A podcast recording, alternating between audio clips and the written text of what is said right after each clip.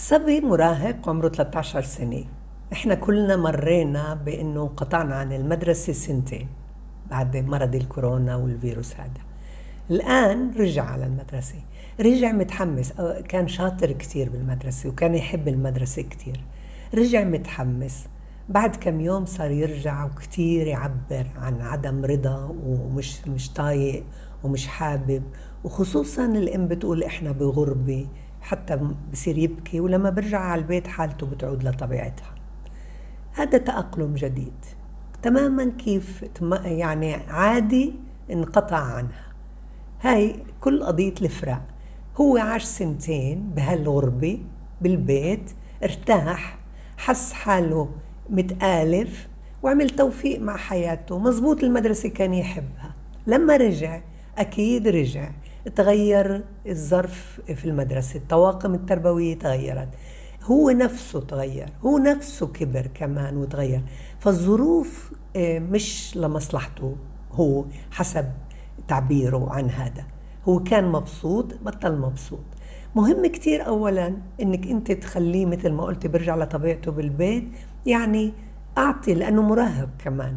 13 هذا الجيل متأجج. هذا الجيل اللي بده يناقش بده يعترض بده يطلب المزيد بدوش مرات كتير إلا غير يعبر عن مشاعر سلبية بده كمان يغلط بده. هي شغلات بتخص هذا الجيل. أكثر إشي مهم مهم إله إنك تعطيه أمان وإطمئنان وحب دائم ما تتغيري أنت. هو تغير.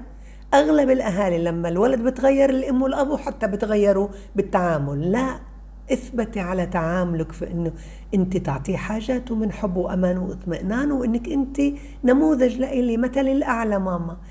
كتير مهم كمان إنك تروحي على المدرسة وتشوفي مين هاللي آه، صار آه، جديد عليه.